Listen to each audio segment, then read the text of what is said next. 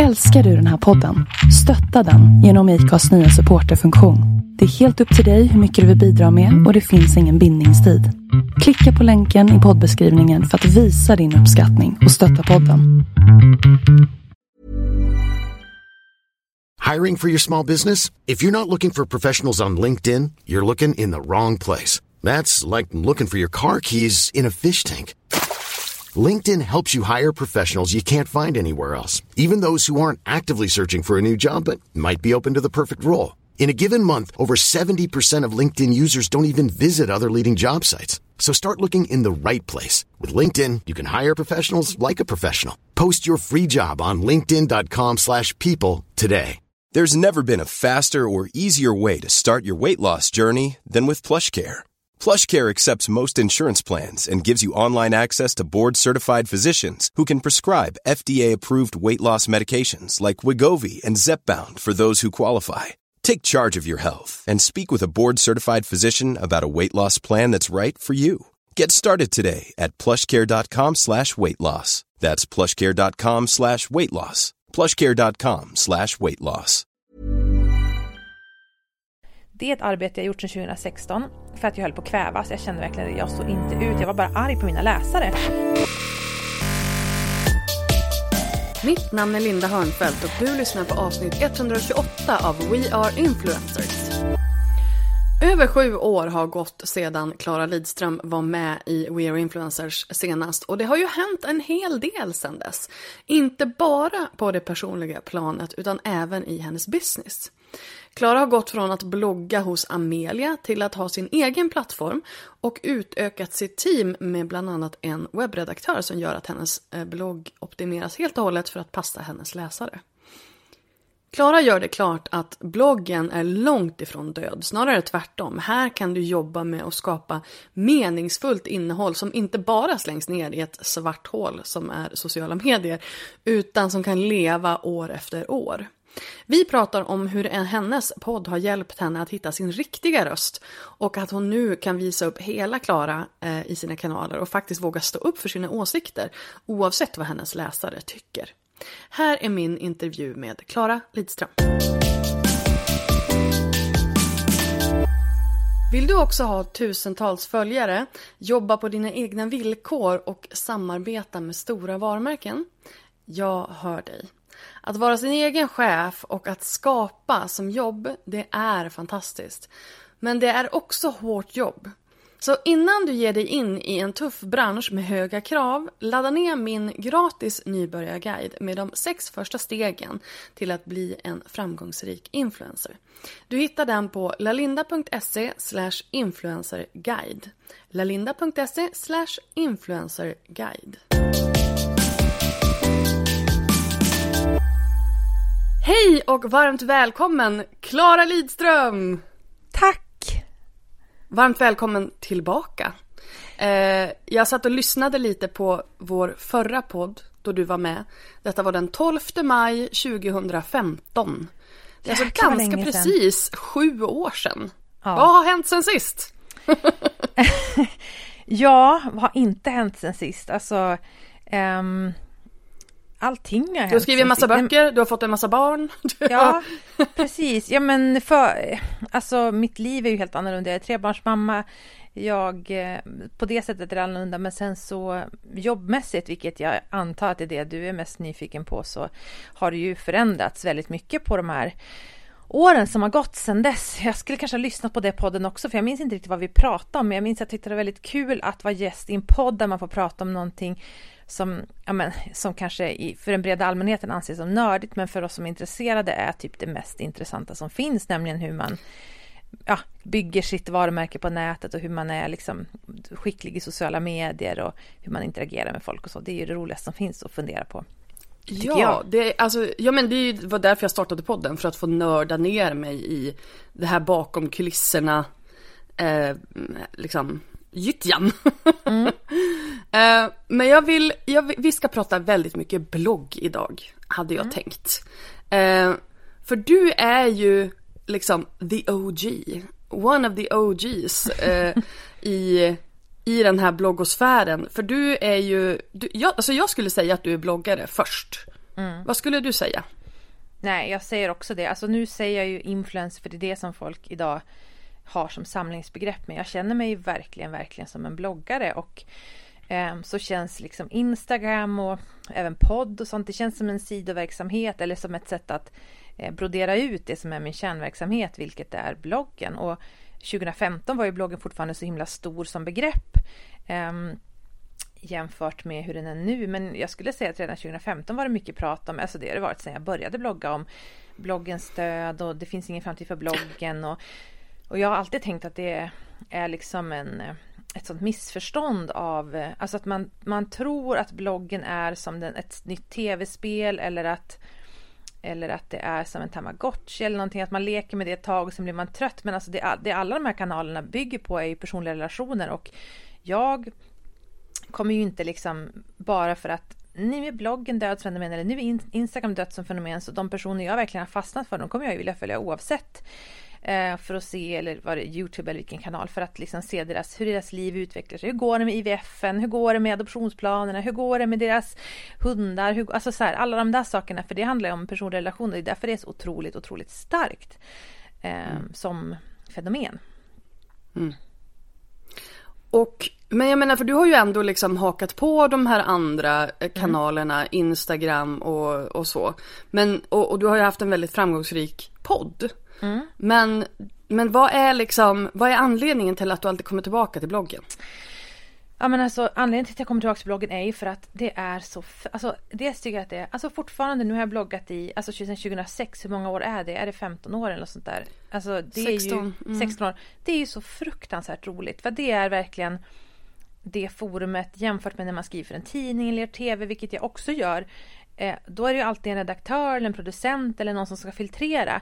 Det, det är liksom pressläggningen mm, är lång eller det är en bok, det är ett års framförhållning. Men när jag skriver någonting så kan jag få en idé, jag kan gå och fota, jag kan redigera ut det, eh, jag skriver ihop det och sen så på någon timme så kan jag få läsa reaktionerna på det. Och ingen säger till mig så här, nej, det här passar inte riktigt temat vi hade tänkt oss, det här passar inte riktigt. Alltså, så det, det, är min direkt, väldigt, väldigt direkta kanal och sen är ju Instagram så också men det som är med Instagram är ju att, eh, att algoritmerna styr så otroligt starkt. Men jag tänker 2015 när vi gjorde den här intervjun, eller när, vi hade, när jag gästade den här podden rättare sagt, så låg jag fortfarande kvar på eh, Amelia. Jag hade flyttat min blogg dit efter att ha legat själv några år och sålt annonser själv sedan 2011 tror jag. Eh, till eh, till att eh, ligga på Amelia för att jag visste att jag ville ha till barn. Jag kände att jag höll på att bli utmattad. Jag var väldigt trött. Jag liksom eh, ville ha hjälp att sälja och kunna fokusera på bloggen men också nå ut. Alltså man når ju ut till fler när man har hjälp av en stor plattform med flera andra bloggar. Så är det ju. Man är ju mer ensam när man ligger själv. Man är ju mer beroende av att man själv håller på med trafiken. Men, men hela tiden var tanken då att jag ändå skulle flytta tillbaks till en egen plattform. När jag hade fått hjälp av Amelia, fått hjälp att driva trafik, fått hjälp att bli större, fått hjälp att nå ut, flytta tillbaks. Och det jag har tänkt och, och kände ganska tidigt i bloggandet var att och det tror jag många kan relatera till även om man är på Youtube eller Instagram, att det är liksom så tungt för att man skapar allt det här fantastiska materialet då, i bästa fall, som hela tiden bara försvinner ner i en lång, lång scroll. Alltså det är bara... Mm. Eh, och, och, jag kände liksom att ja, men jag har ju så här jättemycket recept, jag har jättemycket DIY-grejer, jag har massa bra texter som jag skulle ha lyft upp igen. För att jag har ju mm. nya läsare hela tiden som inte har sett det här och istället för att jag ska kunna, alltså då var ju verkligen bloggen som en enda lång scroll, då fanns det bara ett enda sätt och det var att återpublicera, det vill man ju inte hålla på med hela tiden. Nej. Och då började jag fundera på hur skulle man kunna göra bloggen till en mer tidningslik, men inte göra som vissa bloggar har gjort, nämligen att liksom göra en tidning och sen lägga sin blogg under tidningen, alltså göra så ett kvinnomagasin typ på nätet, för att jag tycker att bloggen är stjärnan, alltså kvinnomagasin på nätet finns det ju en miljard av. Bloggen är stjärnan, mm. jag lägger bloggen som första Liksom, det är det som är, den här scrollen är fokus, men jag kan jobba med widget eller puffar som jag kallar det då, när jag lyfter fram gammalt material, alltså eh, sånt som är tidlöst. Alltså till jul lyfter jag upp gamla julrecept från tidigare år eller pyssel eller texter jag skrivit om julen. Alltså så att, och, och, det har jag ju sett då.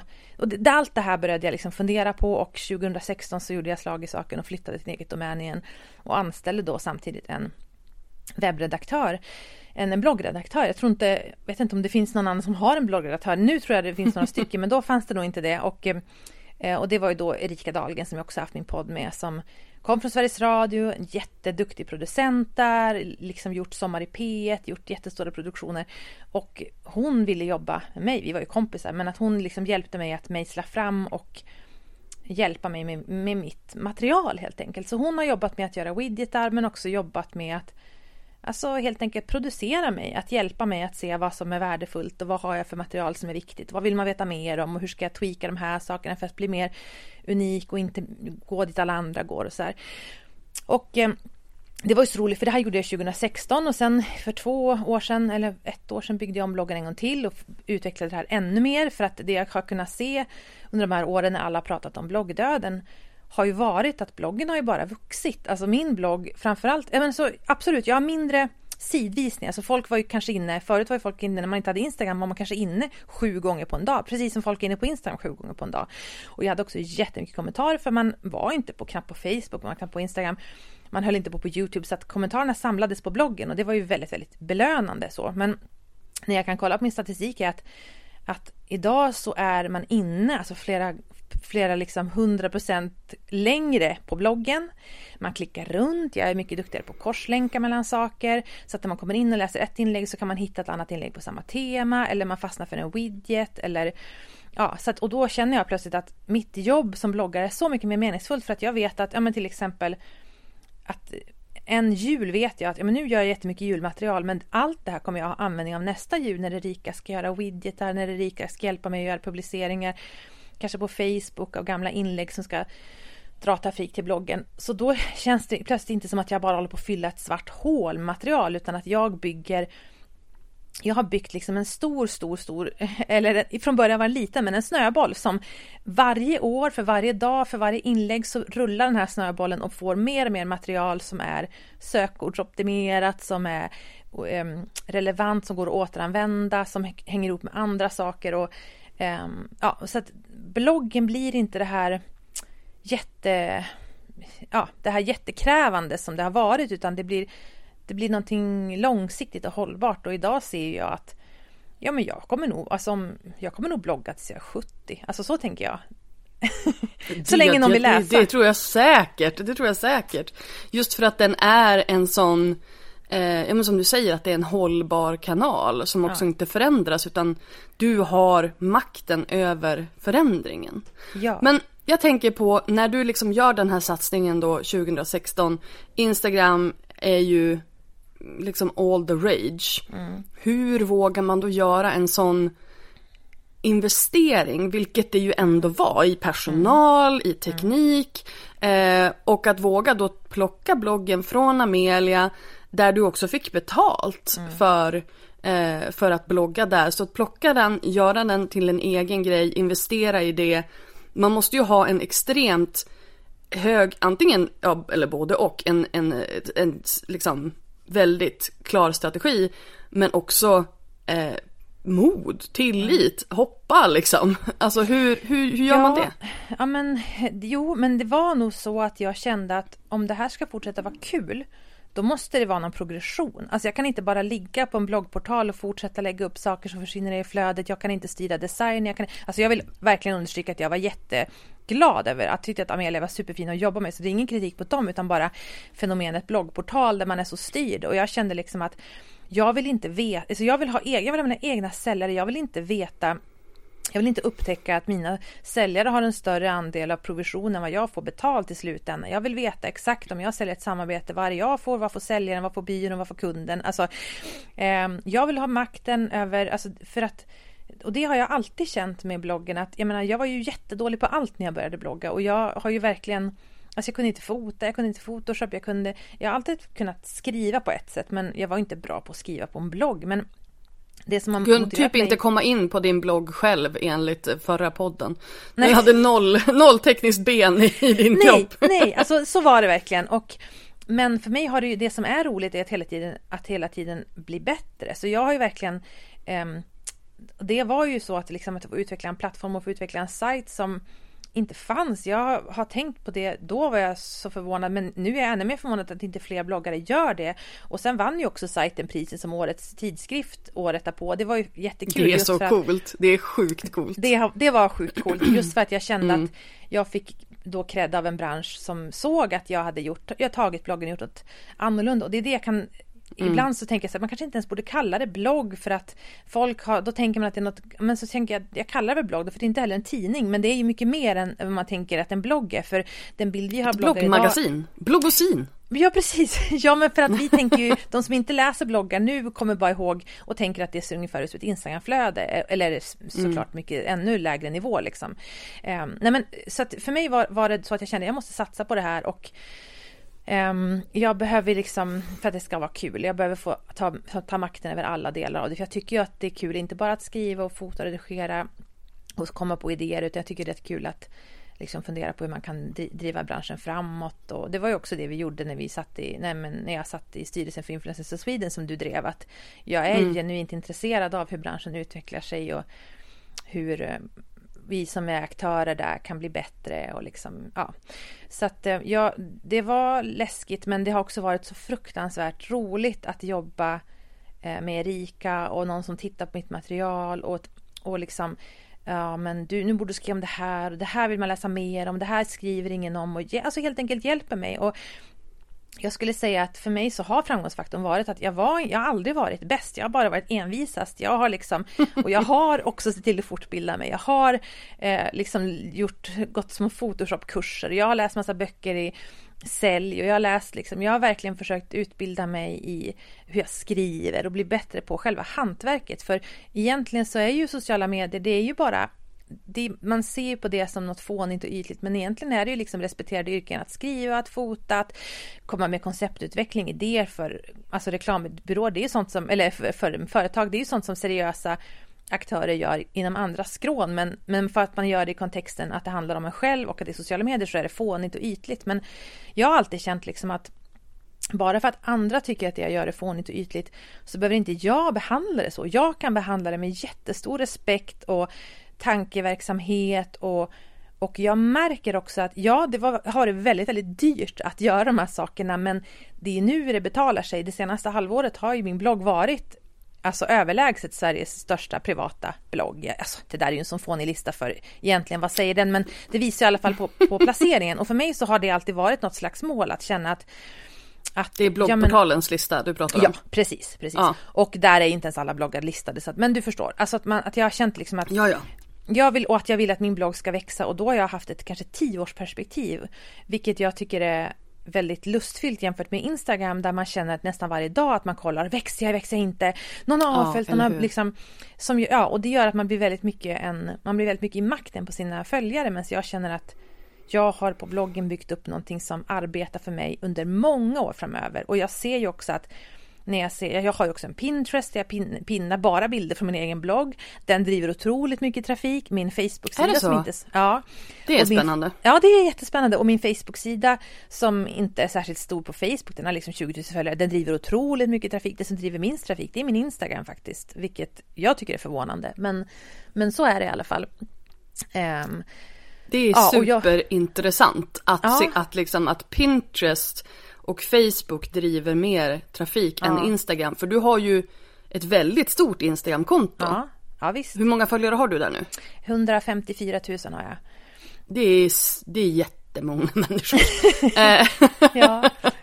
Eh, så att jag menar, det borde ju driva mer trafik än, ja, än det gör det i så fall. Sen jag kanske också... du inte har en supertydlig strategi där eller? Nej men jag, nu har jag ju börjat med det och då har jag ju märkt att det ger mer trafik. Att jag har varje mm. söndag har jag ett veckosvep när jag repostar alla poster från veckan och liksom det har jag fått jättebra feedback på att folk är så åh jag glömde bort bloggen, då går jag in och läser alltid ett svep och sådär. Mm. Så att, men, och jag jobbar på att liksom genom Instagram lyfta fram annat material på bloggen som man kanske inte känner till men som kan vara användbart. Nu när det är odlingssäsong kanske jag lyfter fram odlingsguider och länkar upp dem och sådär på stories. Men det som är, ja. som är med stories, det eller Instagram, det är att ja, men jag har 154 000 följare och det låter ju jättemycket men jag menar med Instagrams räckvidd, jag vet aldrig hur många jag når ut till. Uh, jag vet vet, och sen också att en, en, alltså det är så mycket mindre värt på något sätt. Alltså jag, menar, jag menar, jag är jättetacksam för alla följare på Instagram. Jag menar inte mm. att de mm. inte är värda något, men varje enskild följare är mindre värd än på bloggen därför att på bloggen kan det ju vara så här att man har en läsare och så är någon skriver något, något provocerande som jag inte kan låta bli att göra då och då för jag tycker det är roligt. Klara ryter ifrån tycker jag, det är min bästa, min bästa, eh, vad heter det, kategori.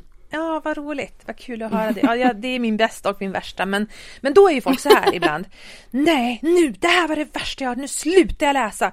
Och då är det verkligen ett statement på bloggen. Men på. Instagram varje dag slutar folk att läsa. Så fort man lägger upp en post på Instagram så ser man alltid att det är några som, börjar, som avföljer. Det är alltid någon ja, ja. post som gör att de bara, nej men det här var spiken i kistan. Så att... Precis, nu har jag fått nog. ja, och sen är ju ändå förhoppningsvis nettot att man har ett liksom, det blir ändå mer var, varje gång. Men, men i perioder blir det ju inte det. Men bloggläsare är liksom ja, det, det, de har, det finns en annan tyngd i dem tycker jag, även om jag uppskattar alltihop. Och Instagram har ju stora förtjänster med att det är så lätt att kommentera och jag tycker om, alltså det är jobbigt med alla DMs, det vet ju du också Linda som har följare mm. som skriver mycket DMs, att man känner sig otillräcklig. Men det är också väldigt härligt att um, Ja det är ju det roligaste, jag hänger ju i DM hela tiden. Ja, och svara och mm. försöka mm. liksom, vart är det receptet på den här lingonpajen du tipsade om någon gång? Och så bara, ja, då tar jag fem minuter och googlar rätt på det och skickar det till dem och så blir de oftast jätteglada och känner så åh, och, och att folk du, som du kanske... Använder, du använder sökfunktionen på din blogg mer än någon annan. Ja, det, definitivt, så är det, definitivt. Eh, verkligen, och eh, ja, så det, jag tycker det är ett fint ställe att bygga relation på men, men det, ja, det tar ju fruktansvärt mycket tid och ibland önskar man att fler ja, frågor skulle sen... komma på, blogg, på, i kommentarsfältet så att fler kunde se svaret på dem. Ja. ja. Nej men sen är det ju att, eh, eh alltså jag menar du kanske har 154, 154, 154 000 följare men hur många ser dina inlägg? Nej exakt. Precis. För, ja, men, och speciellt nu på sistone för att nu är det ju, vi är ju inne i någon typ av, jag vet inte vad det är, Instagram har någon slags existentiell kris tror jag. Mm. Och känner att de vill vara TikTok men då känner mm. vi alla att så här, fast TikTok finns ju redan så kan du inte istället göra det du gör bra. Så. Mm. Och så kan vi vara där och hänga där och så blir det bra. Nej, nej vi ska bli TikTok, okej. Okay. Um, och i det så är det ju en enda, det är ju en shitshow just nu. All mm. räckvidd är nere och folk ser inte bild, alltså det kommer ut bara en massa förslag i flödet. Etc, mm. etc. Mm. Hur, hur, hur känner du inför det? Hur känner du men, inför Instagram? Grejen att, ja men alltså jag har ju verkligen en hatkärlek till Instagram och det är helt som, sant som du säger att räckvidden kontinueras och innan jul så fick jag tusen nya följare i veckan ungefär. Och efter jul har jag legat nästan still. Eh, och det här vet mm. jag från många kompisar som det är exakt samma sak för dem. Och, det, och då märker man att jag menar, jag bryr mig alltså det är ju jättebra. Alltså jättebra med de följare. Jag behöver inte ha en enda följare till hela mitt liv. Men eftersom Instagram är uppbyggt så tydligt att ge feedback på statistik, du märker hur många som har gillat, hur många likes och, och du är aldrig bättre än din senaste post så blir ju statistiken så viktig. Och det är då jag känner att mm. i blogg, på bloggen så, så måste inte varje inlägg vara en hit liksom. Utan, jag tänker på det som att göra en, försöka göra ett skivalbum med bara hits eller och det är ju mm. liksom, ja eller att göra ett, när man tänker på sina egna favoritalbum så är det liksom kanske de här låtarna emellan som gör att ett album har själ. Alltså att, och så tänker jag med bloggen att det finns utrymme för inlägg som inte ens har en bild, som har en ful bild. Som handlar om mm. jättekonstiga aparta grejer som inte skulle funka i ett Instagramflöde för där är bilden så viktig. Och idag är mm. filmen mm. viktig. Så att det blir väldigt, på Instagram så kan jag känna att, som sagt jag tycker om Instagram men jag känner alltid en frustration över att um, dels att, den är så, att formatet är så styrt, att jag inte kan bre ut mig, att jag inte kan liksom ja, vara så den brokiga liksom, person jag är som jag är på min blogg kan jag inte vara på Instagram. Eh, och eh, att man är aldrig bättre än sin senaste post och man får hela tiden feedback på statistiken vilket gör att man Alltså man har en slags evig alltså känsla av att evig tillväxt är enda framgången. Du kan inte bara vara, ligga kvar och vara stabil på Instagram för att Instagrams algoritmer gillar ju konton som växer så att växer du växer du ännu mer. Så att det där är irriterande och sen tycker jag att det är så himla lätt att och det tycker jag, det ser jag på mig själv, jag ser det på andra konton, att man går tillbaka och tittar vad har fått bra trafik tidigare och så liksom försöker man göra en remake på det och en remake på det och en remake på det vilket gör att man blir bara mer och mer lik sig själv och, och man kanske inte vågar experimentera för tänker ifall jag får jättemycket avföljningar och hur kreativt mm. blir det? Alltså mm. så.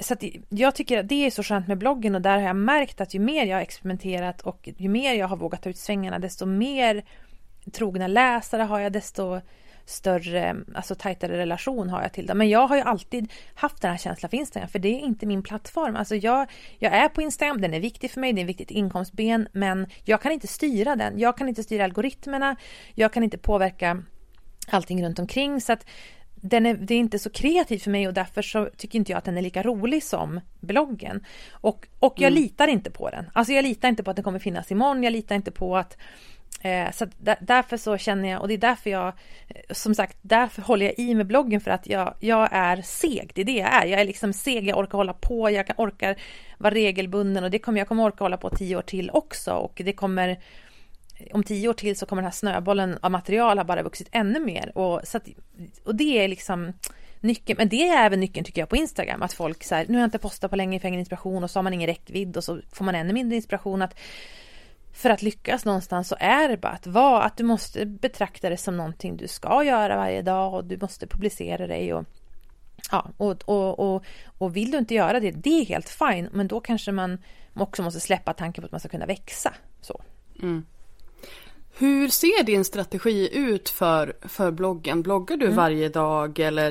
För jag tycker ja. det var intressant det här du sa med att man kan blanda så här, fina bilder, inga bilder, fula bilder, mm. att, det, att det finns andhål mellan hittarna på albumet. Ja. ja, precis. Jo, men jag har ett, jag har väl kanske ingen uttänkt strategi, men det har uppstått en rytm under åren som jag följer. Och det är väl så kanske att jag, alltså var tredje inlägg ungefär, tredje, fjärde inlägg är kanske någon lite längre text, alltså där bilden inte är i centrum utan det är kanske en reflektion om något, det kan vara någonting om, om um, något existentiellt eller något om någon relation eller något om barnen. Eller, alltså någonting som är lite mer tankeväckande. Och ibland är det också ett ryt ifrån. Då kan det, och det är ju de inlägg som drar absolut mest trafik. Men de är också jobbiga att skriva för att de måste ju bottna i att jag känner en uppriktig irritation över något. om man kan... inte är arg. ja, alltså livet inte... är ganska gött. ja. ja, man måste ha, jag måste liksom ha den där genuina upprördhet för att sätta mig och skriva sånt inlägg, för det är ganska jobbigt att skriva, ganska jobbigt att liksom ofta få ganska mycket arga kommentarer, så jag måste liksom vara mentalt redo för det. Men, och sen så absolut fina bilder, det är jätteviktigt och, och jag jobbar jättemycket med, alltså när jag tittar tillbaks på Alltså bara så fem eller tre, fyra år bort. Alltså jag har ju så mycket bilder. Jag kan ju se hur mycket bilder jag laddat upp varje månad på bloggen och alltså förut så jag laddade upp så himla få bilder. Jag kanske laddade upp på en månad kanske laddade upp Ja nu här låter få men alltså jag kanske laddar upp 100 bilder. Idag laddar jag kanske upp 400-500 bilder på en månad. Alltså det är mycket mer bild. Jag bara, vad har du för webbhotell? du, det där, kan jag, det där blir jag så arg för när folk säger så här, man kan ju driva en blogg utan kostnader. Inte för mig! Alltså, det är jättestora Inte om man har bilder! Inte om man har bilder. Inte om man har bilder. Och inte om man har bloggat i 15-16 år. Nej, det kostar ganska Nej. mycket kan jag säga, bara att hosta mm. all trafik och alla bilder. Men så att det, det, jag har liksom eh, men min, min strategi är att jag postar, jag brukar posta kanske, jag brukar posta mellan sju och tio inlägg i veckan på bloggen. Um, och, då är, och då är det viktigt, jag tycker också att bloggen, alltså när Instagram kom Bloggen var ju bara slask, det var ju bara skit, det var ju bara värdelöst, liksom trashigt. Sen kom Instagram och då var ju bloggen lite finare. Eh, och, mm. och, då var Instagram, alltså mitt första, i början av mitt Instagramflöde, jag kunde liksom lägga upp bilder på skräp och typ något roligt citat eller en anslagstavla. Ja. Och ja, det var mm. jättehärligt att jag kände bara, här kan det bara vara, du vet så här. Och sen funkar inte det för nu är alla, nu är Instagram så otroligt kurerat. Nej men då var det ju stories där man kunde ha skräp och eh, eller skräp, du förstår vad jag menar. Det som inte är så ja, kurerat ja, ja. men härligt. Lite lägre nivå på kvalitet, lite mer här och nu. Ja, lite och kanske så. det som är det absolut roligaste, eller hur? Ja, ja, ja det roligaste att titta på. Ja, och, då, och, och, och, nu kan man knappt ha det på stories heller och jag kan verkligen känna att jag har försökt plocka tillbaks lite skräp i bloggen. Alltså inte kanske rent att jag fotar jättefula bilder så, men att liksom det måste vara en blandning. Det kan inte bara vara sådana mastodontinlägg med 40 bilder från veckan som har gått och jättelånga texter. Det måste också finnas, jag till exempel har en kategori som heter ögonblicket då jag tar en, en bild under dagen det är nästan som en Instagram-post, men när jag tar någonting och skriver något om något som hände just den sekunden, det är ett jättekort format, det lättar upp Alltså jag tänker på att en blogg ska vara som en godispåse. Det ska liksom vara en salt bit en söt bit och lite choklad och så ska man och det är det som inte heller riktigt funkar på Instagram, för du vet aldrig, du, du, dina läsare får inte den här salta biten, söta biten, chokladen, utan de får allting bara ett enda mischmasch. Och, dessutom ja, och folk kanske inte gillat den salta biten, Nej, eller den söta biten. Och helt plötsligt så, de bara, jag vill bara ha choklad. ja. ja, och då ja. blir ju liksom, då blir ju så här 60% av innehållet inte intressant. Exakt, plus att din godispåse blandas upp med tusen andra människors godispåse och då måste du ändå försöka hålla en linje visuellt. Godis. Så att du, ja, så att, det blir jättemycket O'boy. Ja men det blir ju liksom, eh, det blir väldigt viktigt på Instagram att fota typ samma bilder jämt för att folk ska komma ihåg att det är ditt konto och koppla ihop det med dig. Så att ja, jag tycker att bloggen är roligare på det sättet att man kan jobba med det. Men sen så, alltså det var också så här att kring 2016, 2017 så hade jag en kvävningskänsla på min blogg, alltså eller kring hela mitt varumärke, för jag kände så här alltså, jag kvävs, jag kan inte säga någonting. Jag, folk har så höga moraliska anspråk på mig, jag kan inte skämta, alltså du känner ju mig lite, vi lite privat, alltså folk, jag vet inte hur du tänker men jag, jag, jag tycker att jag är, nu kommer inte du ihåg jag var 2015, men på bloggen, men jag var så endimensionell, jag kunde knappt skämta på bloggen, alltså jag kunde inte använda ett fult ord eller någonting. Nej. Och jag är ju inte riktigt så som privatperson och kände liksom att hur Nej. ska jag få ihop de här bilderna av hur det har blivit på bloggen med hur jag är mer i verkligheten. Och eh, det var ju då jag startade min podd med Erika. Och eh, det var ju jätte... Det var det bästa som har hänt hela varumärket och alltihopa därför att... Eller då... hur? Det måste ju ha gett människor en helt ja, annan bild av dig. Ja. Det var, och det var, hjälpte mig jättemycket därför att jag hade fastnat i någon slags ton av att bli förnärmad och bjäbba tillbaks och sen när jag fick kritik. Men medan jag egentligen, när jag får kritik i verkligheten, då gapskrattar jag ofta och håller med kritiker. Alltså jag är ju inte liksom, jag, alltså jag, är, jag kan ju ha de sidorna och det kom aldrig fram i bloggen. Och det var också Nej. väldigt bra att Erika hade liksom, hon tog rollen som den som kritiserade. Jag gillar, jag har ju, lyssnar ju nästan inte på några eh, bloggar, poddar av kvinnor. Alltså det här är bara, eller det gör jag absolut, men många tjejpoddar om jag säger så, föraktfullt, men då håller man ju bara, bara med varandra. Att det är så två väninnor som mm. bara håller med varandra. Jag tycker ju att man vill, man vill ju höra folk som håller mot varandra. Alltså man vill ju att de ska diskutera. Lite dynamiskt. Ska, ja, och då var det så mm. skönt att jag kunde få tycka saker och så höll Erika mot och angrep mig och liksom sa saker som kanske mina läsare, bloggläsare tyckte och tänkte om mig men som de hade, hade kunnat säga eller liksom fått och så fick jag förklara mm. mig.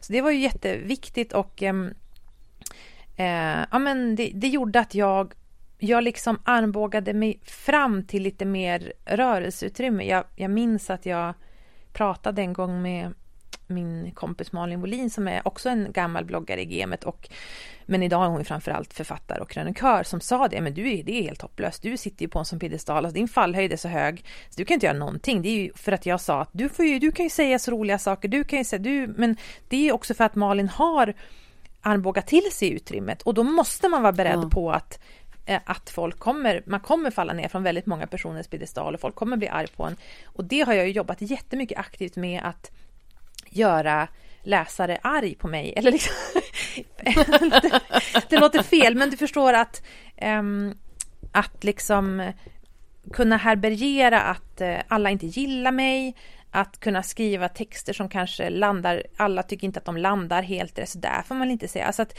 det är helt okej okay. och jag känner också att det är ett arbete jag gjort sedan 2016 för att jag höll på att kvävas. Jag kände verkligen att jag står inte ut. Jag var bara arg på mina läsare. Och de tyckte, mm. och många var arg på mig, inte alla mina läsare, men du förstår, jag, jag var inte arg på alla mina läsare, men väldigt på tonen liksom. Det var så, det var så prussiluskigt i kommentarsfältet. Och sen då så har jag ju jobbat jättemycket med att liksom våga stå kvar i mina åsikter, alltså när jag får mothugg när jag skriver en text och folk är så här Men det där håller inte jag med om, du, du, du, du, att jag bara nej men okej, men det respekterar jag, men jag tycker fortfarande så här.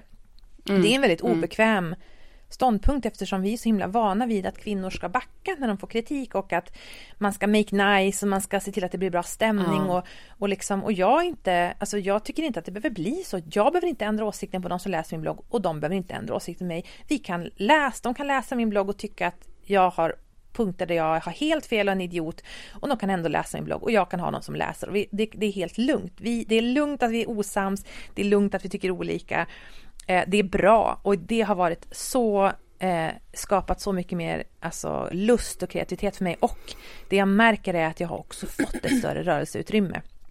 För att ja, nu... du måste ju ha fått mycket mer nyans ja. av, din person. Ja. Att, du, att du blir mer, mer mänsklig, någonting som också fördjupar relationen tänker jag.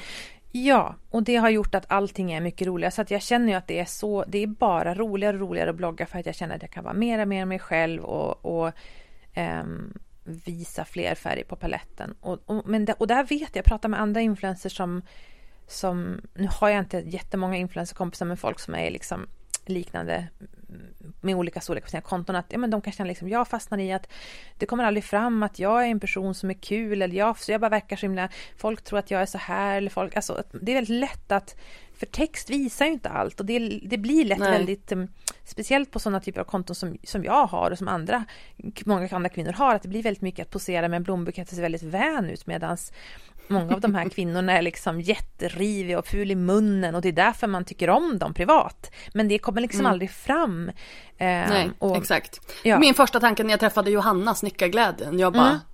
vad va händer nu? Vad hände här? ja. Det var inte den väna kvinnan Nej. med blombuketten. Nej, jag vet och jag tror... Hon är fantastisk, men, ja, men, ja, men det men, finns lite rivigheter. Ja, och jag tror att vi skulle tjäna, men det, det kan, därför är just det, det, Story är en plattform där man kan göra sånt mer, men, men generellt så tror jag att um, vi skulle tjäna på att Ja men alltså att det inte var så att det blir, inte, det blir så endimensionellt. Och, men jag minns ju, alltså det är jätteläskigt för jag minns att alltså första avsnittet av en underbar podd, jag hade ju knappt, jag hade jobbat lite grann med tv men det var inte alla som hade sett det. Så många visste inte hur jag pratade. Många var, alltså jag finns ett för kommentarer så här, det här är helt fruktansvärt, så här ska inte du prata. Och du pratar alldeles för fort och det här totaliteten tycker inte jag om och så har jag ett jättehäxskratt och så här. Men gud, att, folk måste ju ta lite eget ansvar för sina ja, egna reaktioner. Bara, det, det är inte mitt fel att du har haft en föreställning Nej. som inte stämmer överens med verkligheten. Sätt dig ner. Nej men ja, alltså så är det verkligen. Men, men um, det är som att man måste för att locka till sig en alltså för att få den läsarskara som man själv kan på något vis ha utbyte av så måste man också mm. visa vem man är mycket mer. För det är då man Absolut. får den typen av kvinnor som följare som, eller kvinnor, men alltså den typ, ja det är i stort sett bara kvinnor så att vad, vad, ja, som, som förstår det och respekterar det och sen kan jag ha, i mitt fall kan det vara svårt för jag har ju så himla stor spridning, jag har jättemycket, alltså jag är verkligen jättemycket äldre damer som läser. Och mm. de är kommer in från Facebook, för det är för att jag har gjort Husmorsskolan i P1, jag har gjort liksom ja eh, jobbat ja. mycket med Allers och sådana. Alltså jag, och det, är en, det är en jättefin läsargrupp. Eh, och de mm. har en tonalitet och de vill läsa om en sak. Sen har jag kanske unga tjejer och sen har jag väldigt många i min egen ålder. Men det är väldigt olika eh, grupper jag når och, och, alla gillar ju kanske inte allt med mig men jag tänker att det ändå är väldigt viktigt att det här tycker jag är så, det här är verkligen någonting jag har övat på och det är att eh, helt enkelt våga vara den jag är mycket mer och våga stå kvar när det blir obehagligt och inte be om ursäkt om jag inte tycker att jag gjort fel. Det här är något... Nej, men, nej jag, tycker att, jag tycker att man som konsument av innehåll måste lära sig att sortera. Mm. Alltså just det här, jag menar om man tar mig, jag, jag läsandes din blogg, jag är inte så stort fan för att laga mat. Mm. Så jag hoppar över recepten. Mm. Därför att jag är så här, ja men jag är inte målgruppen, jag scrollar förbi. Mm. Men jag, jag, kan inte kräva att så här, jag gillar inte recept, du får sluta skriva recept. Nej. Eh, det, det, håller ju inte för jag vet ju att det är en stor del av dig. Jag, jag mm. kommer tillbaka så ofta till ett inlägg som Peter Fia gjorde. Mm. Eh, om eh, löpar tips för, tips för löparknä, om det var styrketräning mm. för löparknä eller någonting sånt där. Eh, och då fick hon en kommentar att Fia, du måste ju tänka på oss som inte kan springa. Mm. och då kände jag, nej vet du vad, att här får du faktiskt sortera ja. själv. Scrolla mm. vidare, ta ja. ansvar för dig ja. själv. För att om man ska tänka på allas allas mm. behov hela tiden. Hur ska man någonsin, ett, kunna ha en målgrupp, kunna ha en business. Nej. Och hade hon varit man hade hon aldrig fått den Nej. frågan. Nej. och sen tycker jag att folk missförstår det som en grej med sociala medier. Det är att du kan följa, du får själv, alltså för det vet jag, det finns influencers som har fått kritik för att har du inga, har du inga rasifierade vänner? Varför finns det inga människor med en annan bakgrund på din eh, blogg till exempel? Har jag sett hos en person. Och då ja men vänta, jag ska gå och fixa en kompis som är rasifierad ja, men, bara för ja, att hon ska vara alltså, med på bloggen. det är så här bisarrt för att hon visar ju... det är väl rasistiskt som något? Ja, och då känner jag så här, men du måste ju själv ta ansvar för om du vill se fler människor med, alltså inte, vad det nu än kan vara, någon som har en funktionsvariation eller någon som bor på ett annat ställe än i Stockholm. Då måste, det är det som är så häftigt, du plockar ihop med påsen med vilka du vill följa. egen Du kan ju inte tvinga en annan person att stå för mångfald. Den kan ju bara vara sig själv. Sen kan du välja genom vilka konton du följer, lyssna på, eh, tipsar om att se till att fler sådana konton eh, sprids. Men jag kan också känna att jag, alltså jag har ju det var jättebra för mig för att 2017 blev jag ju krönikör i Expressen och jobbade med det under ett och ett halvt år. Sen så vart jag gravid och då ville jag ta uppehåll för det och sen har jag faktiskt inte börjat om igen. Men det var också jättebra för att eh, att öva, där är ju så, det är ju så, jag menar bloggvärldens hat, alltså det är ju en barnlek mot vad man får när man skriver på en kvällstidning. Och det yep. var supernyttigt att känna liksom, det är ingen fara, alltså Eh, det är ingen fara att det blir hård jargong, alltså så länge man inte blir hotad eller så. Alltså, det är ingen fara att folk är kritiska mot mig. Det tycker jag är en sån konstig grej när influencers idag är så här.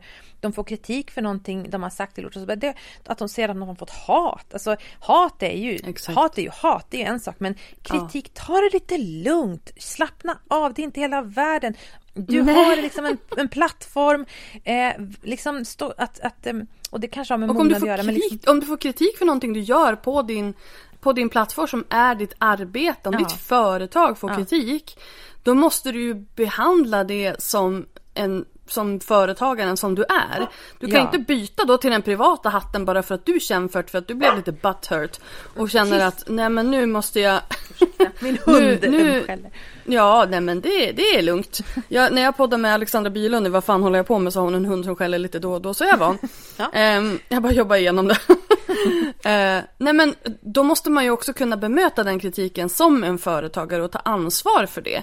Ja. För det är ju jättekonstigt att man då blir liksom lite kränkt och börjar gråta för att folk mm. är så mm. dumma när du mm. gör någonting som som du inte, alltså som var klantigt som företagare. Ja, precis. För, bloggare, för, ja. influencers behöver lära sig kriskommunikation. Ja, Punkt. men absolut att förstå liksom. Men det, det är två saker. En sak är att, att kunna ta kritik och liksom, okej okay, det här varit fel. Och en annan sak är också att kunna, om man har gjort någonting som man inte tycker var fel, säg det då istället för att säga du får inte kritisera mig, så förstår du? För att jag får ja. ju, jag kan skriva inlägg ibland som får folk som är så här, det här borde inte du skriva om, till exempel om jag har skrivit om eh, att jag har liksom försökt gå ner i vikt eller jag har sagt, det, får, det får inte, borde inte du skriva om, och du, så här. Och så tycker inte jag, jag tycker visst att jag borde skriva om det och det här är min anledning till det. Men du lyssnar ju inte på mina argument, så jag förstår det, så här, men, jag, men jag har ju tänkt på de argumenten mm. innan jag skrev. Och jag kom mm. ändå fram till att jag vill göra det här och om det betyder att du inte vill läsa mig längre, det måste vara helt okej. Okay. Det är tråkigt såklart, men jag kan inte anpassa min läsning efter dig. Det är helt lugnt att du inte tycker om allt jag gör. Eh, vi behöver liksom inte eh, eh, liksom ta det lugnt, var en vuxen människa, eh, slappna av inför för liksom när det stormar och, och när, om man är lite eh, inte direkt ber om ursäkt. Bara förlåt, förlåt, förlåt, förlåt. Det var tokigt. Du, du. Om man nu inte verkligen känner att det var tokigt. Så upplever Exakt. jag också att i, i längden så får man mer rörelseutrymme. Man får liksom möjlighet att göra saker. Alltså, nu tar jag min kompis Och respekt Malin tänker jag. Ja, alltså nu tar jag min kompis Malin Wohlin igen. Hon får ju så mycket, fruktansvärt mycket påhopp för som hon är Aftonbladet-krönikör också. Hon, jag har aldrig mm. träffat någon som är så fruktansvärt cool inför allt sitt påhopp. Och det rinner bara, på riktigt rinner verkligen bara av henne som en gås. Och de som gillar henne orkar inte ens ge henne kritik. Eller liksom de bryr sig inte för att de tycker att hon är härlig. Mm. Håller man inte med så behöver man inte säga det för att det är inte, man måste inte hålla med varandra. Nej, men jag tänker att det handlar om någon, någon slags personlig trygghet också i den man är och de åsikter man har, de värderingar mm. man har. Om man är trygg i det och mm. har som sagt som du säger tänkt igenom det här innan, ja men då står man ju fast där man står. Och man ja. kan ta kritik men man är så här, ja fast, fast jag, jag tycker det här och jag står för mm. det. Liksom. Ja, jag vet och det tror jag en, och, det, och jag uppfattar att man, om man gör det så det är jobbigt då, men man tjänar på det sen. Och sen så tycker jag att en av de största vinsterna med sociala medier är, det här har jag pratat om, i, kanske till och med sa det i förra, i förra gången jag var i den här podden, men jag har sagt det annars också, att man som tjej växer man upp så mycket med tanken på att alla ska tycka om en, att det är helt rimligt att försöka liksom söka folks gillande och det är viktigt att att liksom, om någon inte tycker om en så är det någon, då känner man ändå att det här borde jag försöka göra någonting åt. Och sen är man på sociala mm. medier och så går det fem minuter och så upptäcker man att direkt att någon inte tycker om en. Då, då kan det vara för att någon tycker att man har en en, en, ett töntigt sätt att posa eller skriver dåligt eller bara har fel Alltså det kan vara små saker, det kan vara stora saker. Mm. Och så märker mm. man att eh, det här kan inte jag hålla på att bemöta och liksom försöka ordna till. Och så märker man att det var obehagligt och sen så går man och sover och så vaknar man nästa morgon igen och så bara fortsätter man. Och det går jättebra. Att liksom mm. på något vis inte ens försöka eh, få alla att tycka om det tåget har gått utan jag ska fokusera på att uttrycka det jag står för och de som gillar det kommer jag vara glada för och om de slutar gilla det för att de blir sura då kommer jag få acceptera det men jag kan liksom inte, jag kan inte låta dem styra utan jag måste och i slutändan är det sådana personer man vill följa. Det, det kan jag ju känna på Instagram också när det blir för mycket så här, vad vill ni se? Det är ingen som läkar mina bilder, vad ska jag lägga upp? Så här att, men skit i vad jag vill, lägg upp vad du vill. Jag vill ju känna att det är lustfyllt från ja. ditt håll, visa det du vill. Sluta vara så ängslig om vad jag vill. Eh, gör det du, tro på det du själv skapar och gör det med kvalitet så kommer resten komma. Mm. Men det tar mycket Agreed. längre tid. Ja, det tar mycket längre tid än man tror. Alltså nu har jag som sagt bloggat i 16 år. Nu är jag Sveriges största blogg. Alltså det är, det är så mycket tid och det tänker jag med folk som vill att Instagram-kontot ska växa och att man är otålig och att, men det tar mycket, mycket, mycket, mycket, mycket, mycket, mycket längre tid än vad man tror att mm. bygga upp det där. Så det är bara att fortsätta. Och då måste man ju också på riktigt verkligen i grunden tycka att det är kul att göra av de anledningarna för att orka hålla på. Om man vill börja blogga idag då, är det för mm. sent? Nej, alltså jag känner verkligen som du, jag, men jag såg din live med, med Elin Kero och eh, Teknivik säger jag nu, Elin Häggberg. När ni pratade Elin Teknivik. om... Häggvik. Mm. Ja, eh, precis. Eh, och eh, jag och efternamn, det är hopplöst. Eh, och eh, tyckte det var så intressant för ni, det var ju för, för några veckor sedan när ni pratade om Instagram, hur det utvecklar sig och så här och att man, ja men alltså konstaterar att Instagram det är jättebra och det där kan man ha en fot kvar men att om man vill liksom bygga någonting mer långvarigt så behöver man en plats på nätet som, som man själv har makten över, där man kan sätta sitt avtryck. Och, så att jag tänker att det finns en stor plattform för, alltså det finns en stor längtan efter bloggar. Jag letar hela tiden efter bra bloggar att följa och förvånar mig över att så många livsstilsbloggar, alltså inte fler livsstilsbloggar har gjort det jag har gjort. Jag, vissa andra typer av bloggar har gjort det. Husligheter gjorde om sin blogg, Maria Soxbo gjorde om sin blogg till en, från en inredningsblogg till en blogg om eko och så här. Och hon har jobbat på samma sätt med widgetar och en liknande bloggdesign. Jättebra liksom. Alltså Teknifik är en sån blogg. Um, mm. Och sen själv, alltså det är så roligt att, att, efter den här bloggen, eller liven ni hade med Elin Kero, vad heter hennes blogg? Jag kan aldrig uttala det. Nämnarien. Ja. Nevnarien, ju... men hon bloggar på elinkero.se nu. Hon, ja. har, hon har lite också existentiell kris där vilket håll hon ska gå åt, om hon ja. ska använda Nevnarien eller inte. Men det är ju ett namn och ett blogg alias jag har känt till i alla år och aldrig ja, gått in på. Alltså jag har känt till det för hon är också så gammal. Ja, jag vet. Det är det som är så sjukt. Och så såg jag liven och bara, men nu måste jag kolla vad det här är. Så gick jag in för några dagar sedan och bara, men det här är ju en svinbra blogg! Och det finns jättemycket för mig som fotograf. Alltså fattar du att det, hur, hur tröga folk är? Det är så man kan vara själv bara, men jag har ju startat en blogg och ingen går in på min blogg från min Instagram. Nej men det kanske är fem, 1550 gången du tipsar om den, någon kommer gå in. Och nu så Exakt. ligger hon i min favoritflik liksom. Ja, för att, för att jag känner, Ja, men alltså att det kan verkligen vara så att jag kände att hon, hon fyllde absolut en lucka som, av, av mm. det som jag är intresserad av. Och sådana bloggar letar hela tiden och jag känner också många Instagram profiler att åh, jag önskar att du hade en blogg så att du kunde bredera ut dina texter eller så att det finns många. Jag tror verkligen att det finns en, en eh, möjlighet och då skulle jag inte lägga mig på en bloggportal först och främst, även om det inte behöver vara fel. Men jag skulle lägga, skulle göra en egen blogg och så att jag kan styra över den utseendemässigt allting och så skulle jag få använda Instagramkontot som ett sätt att driva trafik, då behöver man inte en bloggportal liksom, eller, eller en, en L eller Amel eller något annat plats mm. där bloggar ligger. Utan... Och om man lägger sig på en bloggportal, var jävligt noga med avtalet så att ja. du faktiskt får ta med dig allt innehåll när du drar därifrån eh, och att de stänger ner den bloggen för annars mm. kommer ju den att sitta och dra eh, trafik från Google till inläggen. Plus att Google kommer att tycka mindre om dig eftersom att då anses ditt innehåll vara duplicerat. Ja, precis. Eh, och det är ju ett problem. Det är ett Men problem. Eh, mm. är, är bloggen det du tjänar mest pengar på nu? Ja, det är faktiskt det. Men det som är roligt är att jag har gjort ett litet ekosystem i mitt sälj. Så att jag har ju liksom jag har ju nästan, jag, för jag, jag blev man blir ju väldigt trött av att jobba med, alltså jag älskar att jobba med annonsörer ska jag säga för det första, jag tycker det är jättekul, jag tycker inte det är någonting, jag skäms inte över det, jag har jättemånga annonsörer som jag tycker är svinbra och jag tycker att det också på riktigt är roligt att få en brief, få vara kreativ inom en, liksom en ram och sen få leverera och se, alltså, och, och så, så att jag, jag tycker att det är, jag är så trött på att man ska be om ursäkt för reklam för att jag är, tycker att det är kul, en kul del av mitt jobb.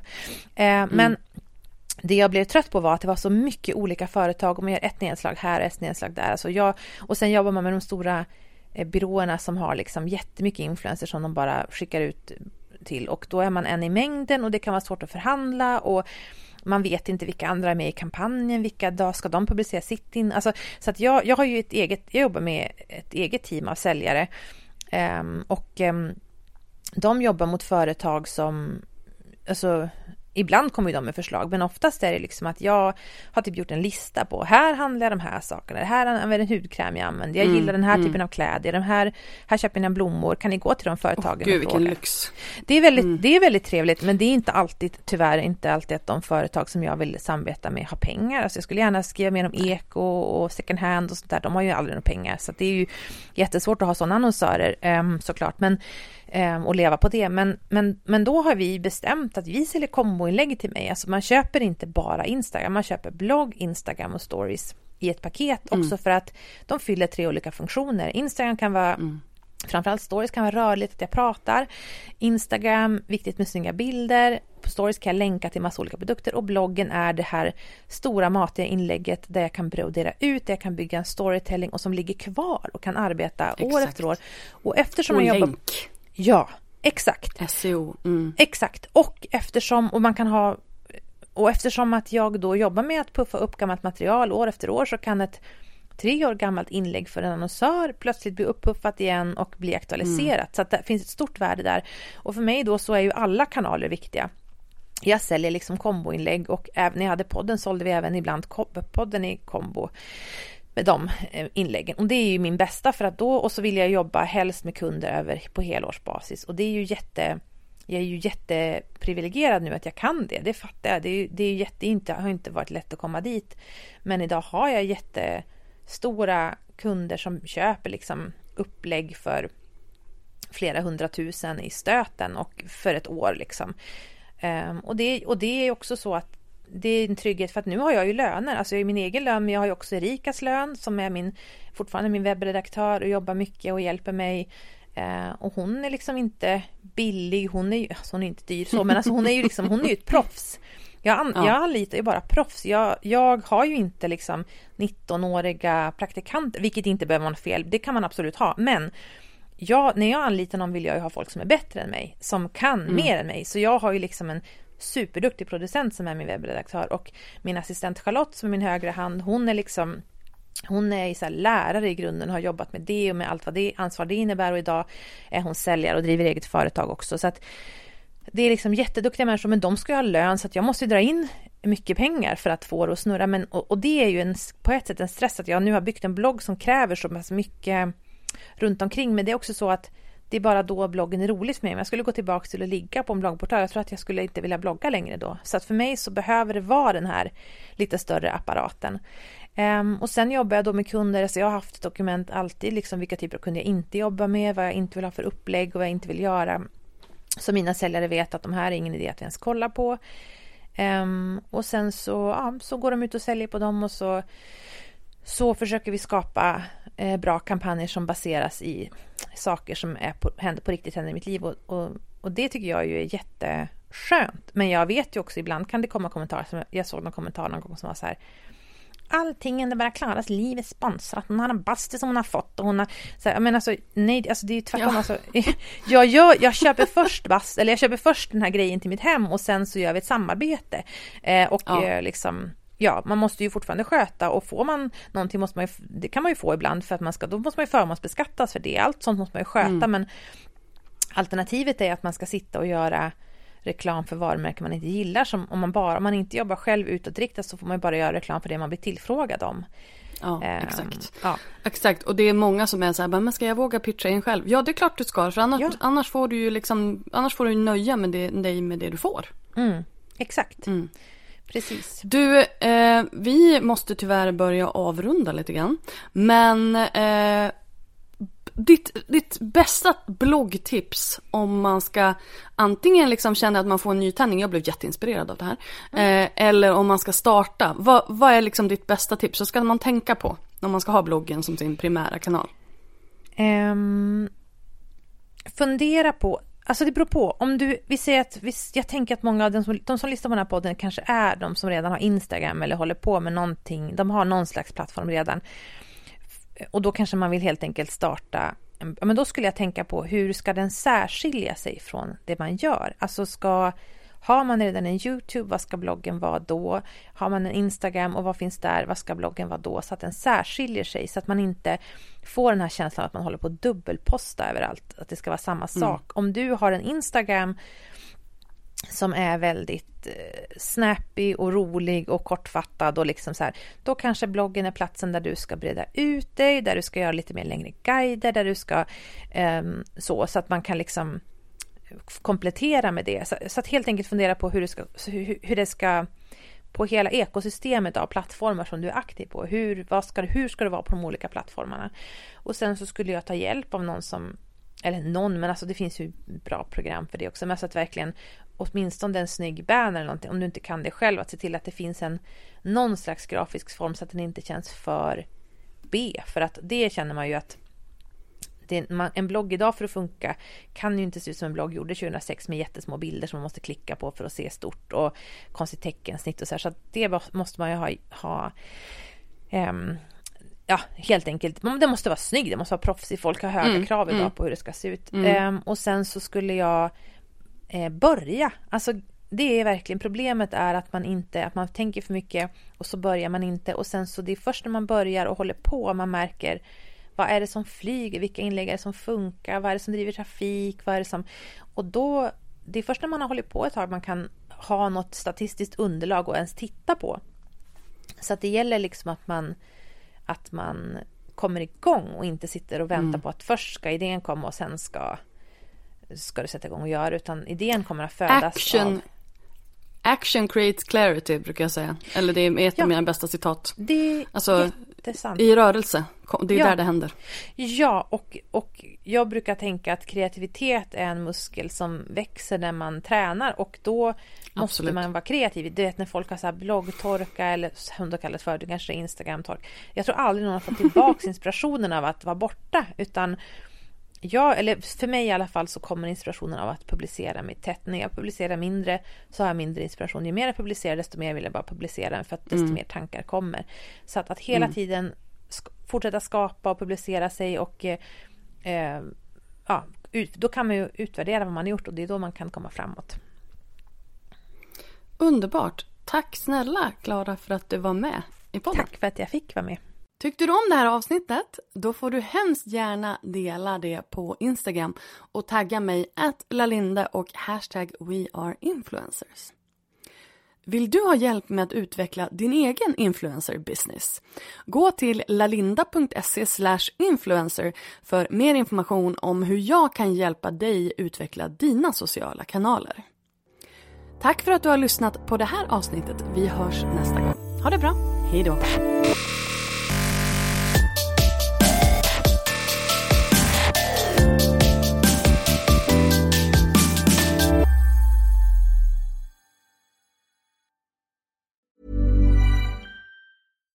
When we're on a budget, we still deserve nice things. Quince is a place to scoop up stunning high-end goods for 50 to 80% less than similar brands. They have buttery soft cashmere sweaters starting at $50, luxurious Italian leather bags, and so much more. Plus, Quince only works with factories that use safe, ethical, and responsible manufacturing. Get the high-end goods you'll love without the high price tag with Quince. Go to quince.com/style for free shipping and 365-day returns. As humans, we're naturally driven by the search for better. But when it comes to hiring, the best way to search for a candidate isn't to search at all. Don't search, match with Indeed. When I was looking to hire someone, it was so slow and overwhelming. I wish I had used Indeed. If you need to hire, you need Indeed. Indeed is your matching and hiring platform with over 350 million global monthly visitors, according to Indeed data, and a matching engine that helps you find quality candidates fast. Ditch the busy work. Use Indeed for scheduling, screening, and messaging so you can connect with candidates faster. And Indeed doesn't just help you hire faster. 93% of employers agree Indeed delivers the highest quality matches compared to other job sites, according to a recent Indeed survey. And listeners of this show will get a $75 sponsored job credit to get your jobs more visibility at Indeed.com slash podcast. That's Indeed.com slash podcast. Terms and conditions apply.